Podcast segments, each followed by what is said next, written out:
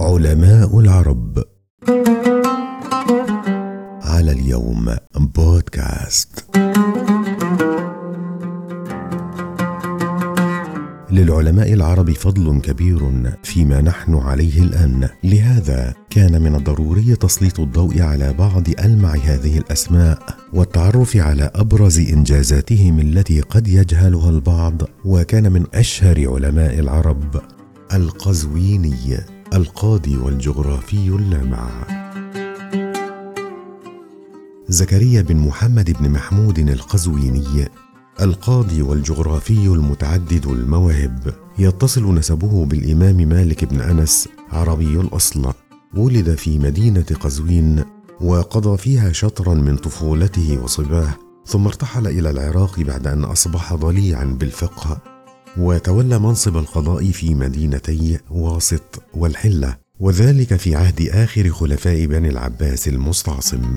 كان كثير التأمل في خلق الله موصيا بذلك مسترشدا بالقرآن الذي حث على النظر في عجائبه وبدائع خلقه وليس التحديق فقط بل التفكير في حكمته.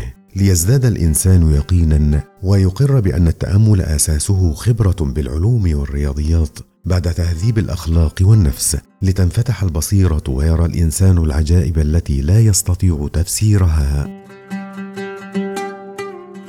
ألف الكثير من الكتب في مجالات الجغرافيا والتاريخ الطبيعي وله نظريات في علم الرصد الجوي كما شغف بالنبات والحيوان والطبيعة والفلك والجيولوجيا. بحث في التقويم العربية والسريانية وما تحتويه من أعياد ومناسبات ويتناول بحثه الحيوانات والنبات والمعادن والجغرافيا الطبيعية. هذا التنوع في الموضوعات جعل بعض الباحثين والعلماء يعدون القزويني أكبر كوزوموغرافي أي عالم وصف الكون.